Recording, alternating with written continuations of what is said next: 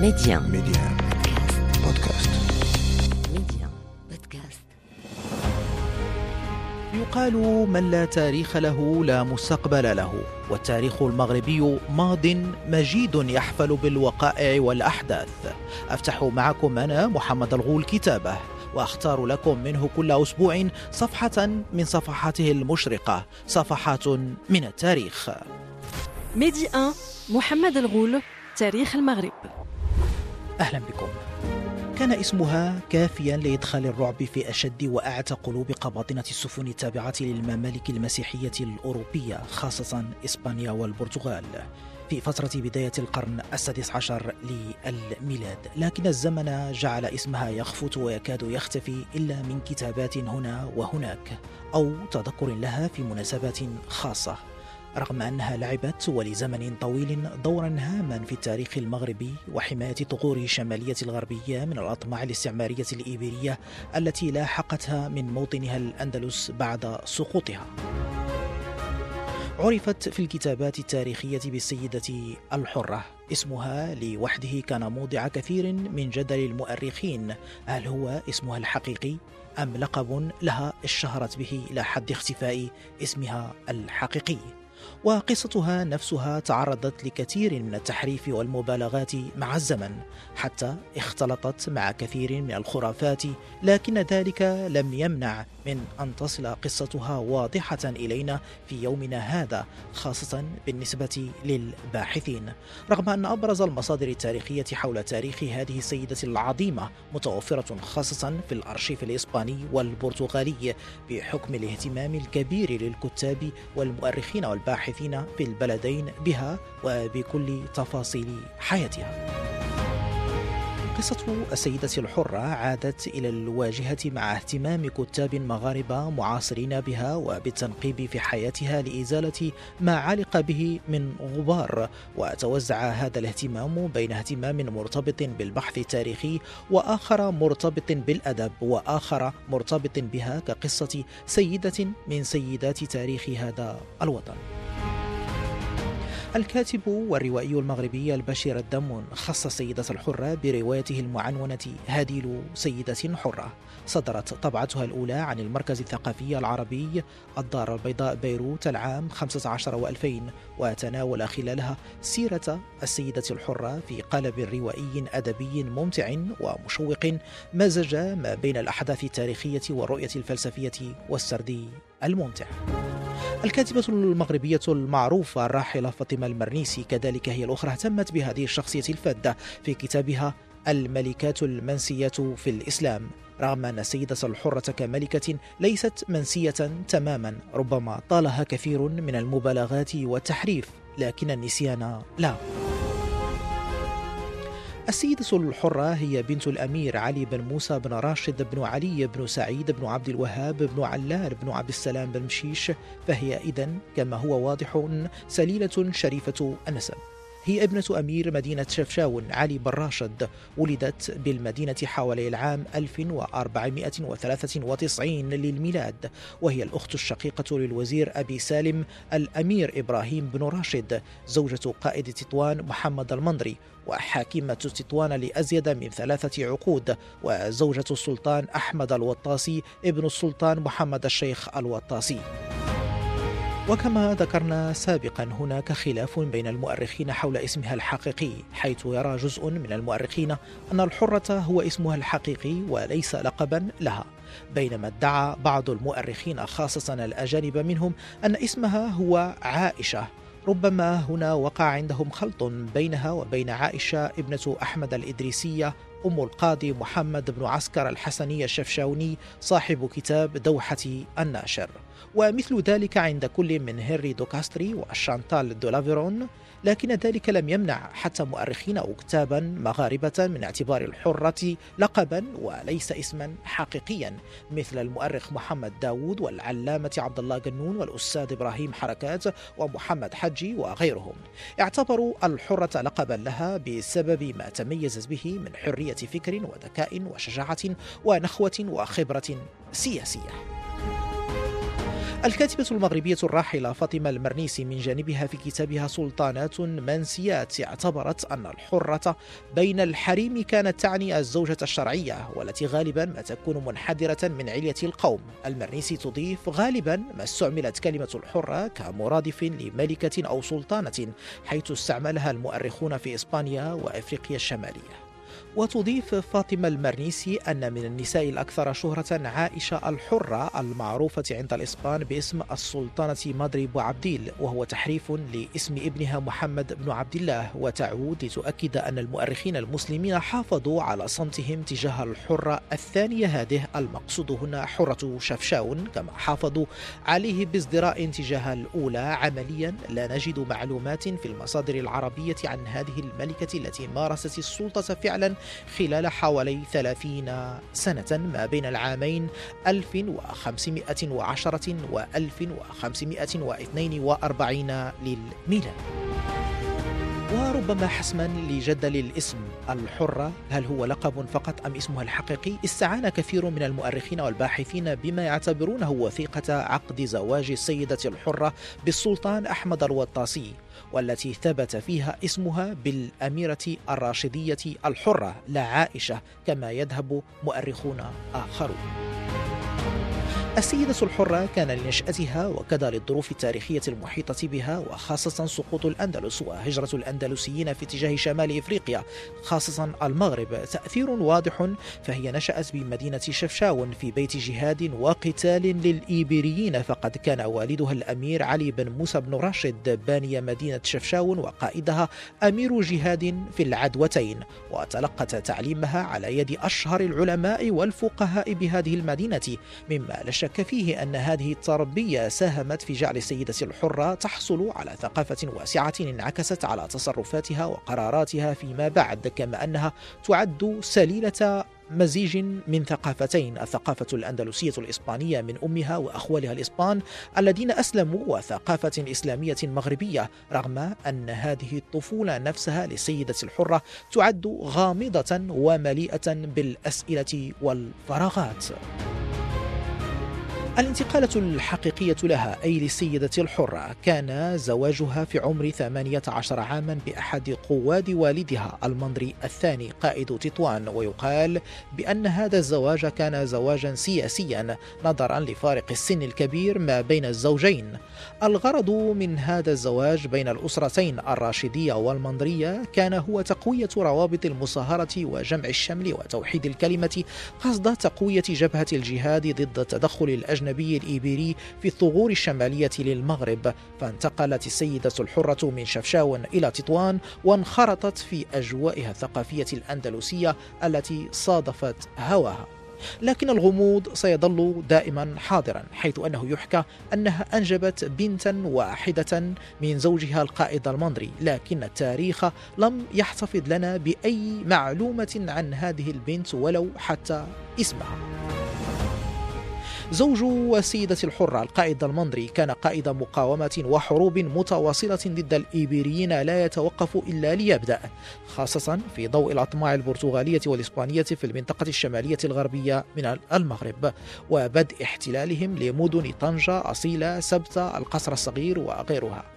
هنا يذكر المؤرخون أن نجم السيدة الحرة بدأ في الصعود بحكم خبرتها وعلمها وذكائها فكانت دائمة الحضور والإدلاء برأيها السديد لزوجها في مواجهاته العسكرية والسياسية وكذا في تسيير شؤون المدينة مدينة تطوان في غيابه في معاركه الكثيرة. خبرتها المتراكمة مع زوجها كانت بالنسبة لها خير رفيق بعد وفاته حيث ستتولى تدبير شؤون تطوان بعد وفاة زوجها وتنصيبها حاكمة لها من طرف أخيها إبراهيم بن علي بن راشد. حاكم شفشاون بعد أن انتقل الأخير إلى فاس وزيرا للسلطان أحمد الوطاسي وقائدا لأركان حربه. بذلك أصبحت السيدة الحرة الحاكمة الفعلية لمدينة تطوان. فانطلقت في تنفيذ أفكارها الثورية سواء في تدبير شؤون ساكنة تطوان وسواء في مقاومة الأطماع الإيبيرية حيث استغلت خبرة فرناندو مارتين خالها في تجهيز أسطول بحري عظيم أنشأ له ميناء في مدخل وادي مارتين الذي أصبح ينطق اليوم محرفا بمارتيل. وكانت تقود هذا الأسطول بشكل شخصي غير آبهة بالأخطار لتصبح سيدة غرب المتوسط. للمزيد حول هذا التاريخ الذي يختلط فيه الغموض بالوضوح والعظمة للسيدة الحرة واحدة من أبرز سيدات التاريخ المغربي نستضيف الأستاذ الجامعي عبد الوهاب إد الحاج الباحث في تاريخ هذه السيدة العظيمة وصاحب كتاب السيدة الحرة الملكة المغدورة. إذا أستاذ عبد الوهاب إد الحاج أهلا بك بداية على أمواج إذاعة ميديا. شكرا آه، جزيلا. أستاذي الكريم آه، البداية من البداية ربما آه، من هي السيدة الحرة؟ وهل الحرة لقبها أم اسمها الحقيقي كما يقول عدد من المؤرخين رغم أن هناك خلاف ما بين المؤرخين في ذلك أستاذ عبد الوهاب. فعلا هو كان هناك خلاف كبير ولكن هناك وثائق موجودة ومكتوب عليها باسم السيدة الحرة. وإن كان فعلا عدد كبير يقول أن اسم اسمها عائشة. ومن خلال بعض الأحداث فعلا بدأنا نرى في بعض الكتابات عائشة ولكن في عقد الزواج السيدة الحرة مع أحمد الوطاسي ملك المغرب آنذاك كان مكتوب في هذا العقد السيدة الحرة بهذا الاسم السيدة الحرة. وبالتالي عدد من المؤرخين آه، مالوا إلى الاتجاه أن اسمها السيدة الحرة والآخرون يقول أنها عائشة. وبالتالي هذا آه، خلاف لأن هناك بعض الوثائق التي آه، تشير إلى أن عائشة حتى أنه في الأسطورة التي تقول عائشة قنديشه كان عائشة الكونديسا يعني الأميرة هذا تواتر كثيرا بخصوص المعارك التي كانت تقع في البحر الأبيض المتوسط وكانت تقودها هي بنفسها. هناك عدة مغالطات على السيدة الحرة. السيدة الحرة كانت امرأة محاربة. مع الأسف أن عدد من الروايات ومن المسلسلات شوهوا آه، صورة السيدة الحرة وبالتالي آه، السيدة الحرة هي بنت كاتالينا فرنانديز آه، امرأة كانت إسبانية مسيحية وأسلمت وكانت ببخير دي لا فرونتيرا. وأنا شخصيا ذهبت إلى منزل الأم ديال السيدة الحرة المتواجد في بخير دي لا فرونتيرا في إقليم قادس. هو قريب من من البوغاز. يعني ربما حتى من طنجة إذا طللنا في بعض الأحيان يعني أن من طرف على اليمين توجد هذا بخير دي لا فرونتيرا. وكيف التقى علي بن راشد أب السيدة الحرة بكاتالين دي لا فرونتيرا وهو أنه آه، علي بن راشد وإن كان آه، يقولون أنه هو مؤسس آه، مدينة شفشاون. المؤسس الحقيقي ديال مدينة شفشاون هو أبو جمعة هو ابن عم علي بن راشد. وعلي بن راشد كان في الأندلس كان محارب كبير وكان بالأندلس يدافع على آه، غرناطة آنذاك. آه، ولكن قتل آه، ابن عمه عن طريق البرتغاليين وبطبيعة الحال كانت خيانة كبيرة. قتل هنا بجبل الحبيب متواجد بين العرائش وتطوان. فاضطر علي بن راشد أن يرجع إلى إلى شفشاون وبايعه في شفشاون بنى القصبة ديال الشفشاون وعندما كان في الأندلس تزوج بأخت مارتان ومارتان هذا هو الذي سمي عليه اسم مارتيل.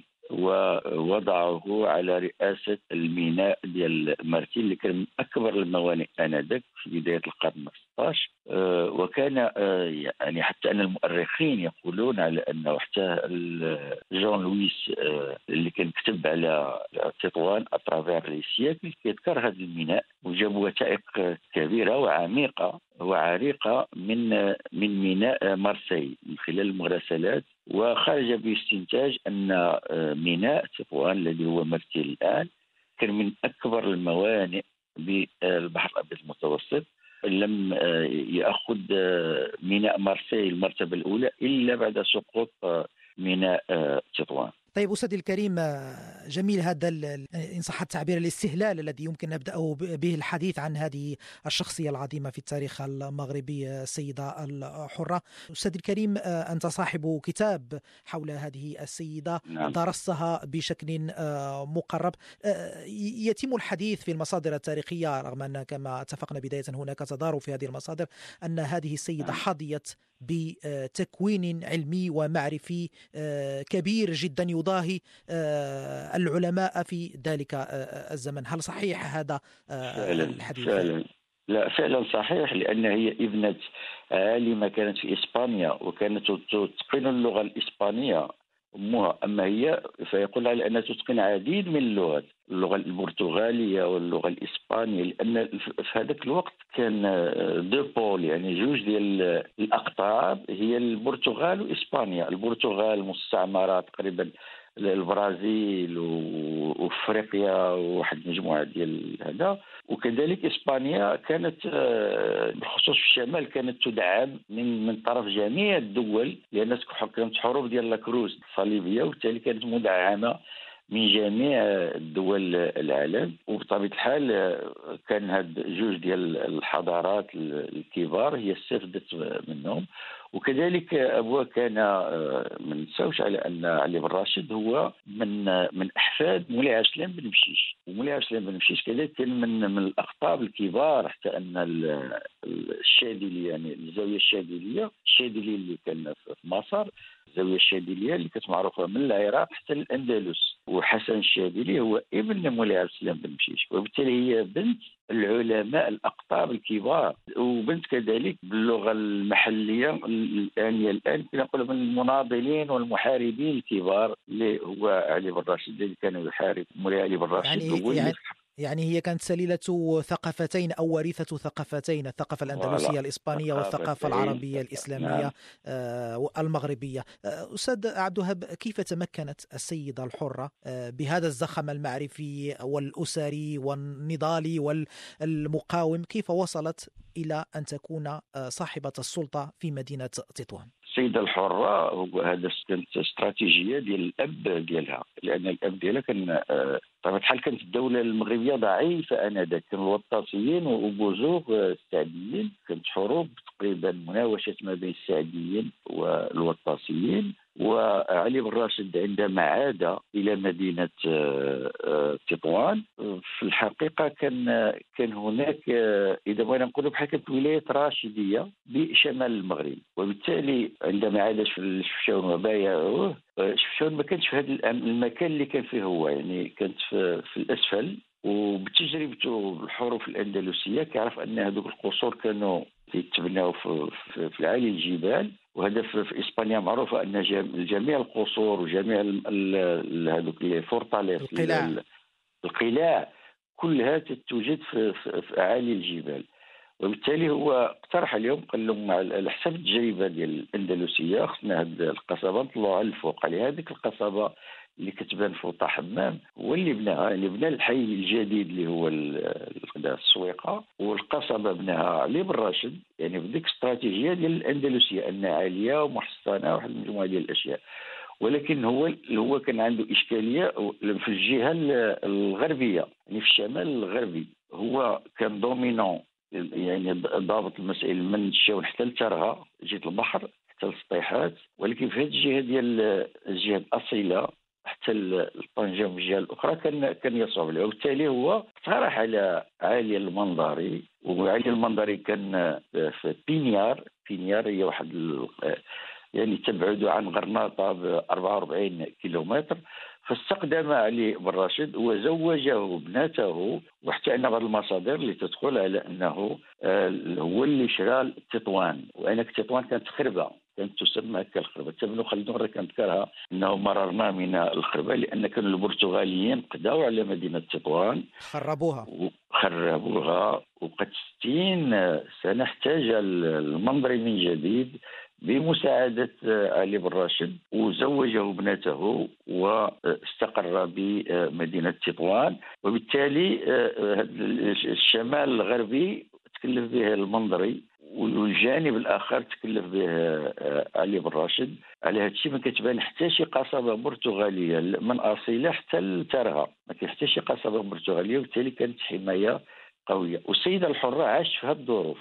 يعني ملي كتمشي كانت مع الاب ديالها وفي الغالب كان الاب ديالها تاخذها معاه لبعض الأماكن اللي تيكون تيهضر مع القياد العسكريين والخطاط وفي المنزل ديالها في مدينة شفشاون حتى أن بزاف ديال المصادر تيقول لها انها آه، يعني حتى بعض الخطاط مع العسكريين وهذا كتكون في معهم السيده الحرة وبالتالي منذ صغارها وهي ترى المخططات الحربية واحد المجموعة ديال الأشياء اللي مشات لتطوان كذلك عاشت مع زوجها اللي هو قائد قائد محنك آه، عسكريا. وبالتالي كذلك استمرت هذه العملية وحتى أنهم كانوا تيقولوا في بعض الأحيان كانت كت كتفتي بعض بعض الآراء الحربية في المجال وبالتالي هو السيد آه، المنظري كان يكبرها بسن كبير يعني سنها وسن المنظري كان متفاوت جدا. وبالتالي أن السيد آه، المنظري هو واخا يقولوا أن السيده الحره حكمت 18 سنة من بعد وفاة المنظري. فكاين بعض الوثائق اللي تقول حكمت 32 سنة لأن السيد المنظري ملي كبر ما بقاش يشوف وهي اللي خدات واخا السيد المنظري مازال مازال في الحكم.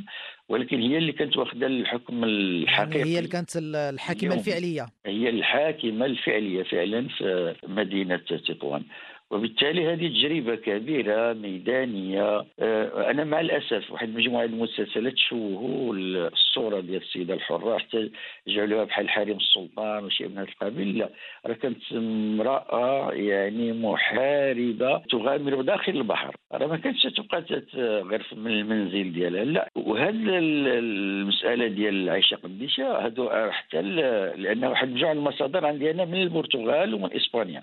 لأن المصادر كبيرة على العائله ديال علي بن راشد والسيدة الحرة هي مصادر ليست بمغربيه بالخصوص المصادر البرتغاليه لأنهم هما اللي كانوا يتحاربوا معها مباشرة. حتى أنه لدرجة تجي البرتغال بجميع أساطيلها القوية وتوضعوا لها كمين داخل البحر الأبيض المتوسط. ومن بعد تيبان أنها جاها الخبر أن هذاك الكمين غادي يكون في ذاك المكان وتجي الأساطير ديال السيدة الحرة من من جهة أخرى. وبالتالي كانوا تيقولوا هذا الشيء غير طبيعي. هذا إذا السيدات تتعامل في شيء سحر ولا في شيء من هذا القبيل عليها تنسمعوا هذا عائشة قديشه اللي وحتى في أغنية الجديده عندهم عائشة البحرية واحد المجموعه ديال الأسماء كلها ملقبة على هذه الأميرة حتى في المدينة الجديدة مرتبطة بالصراع مع البرتغال كذلك.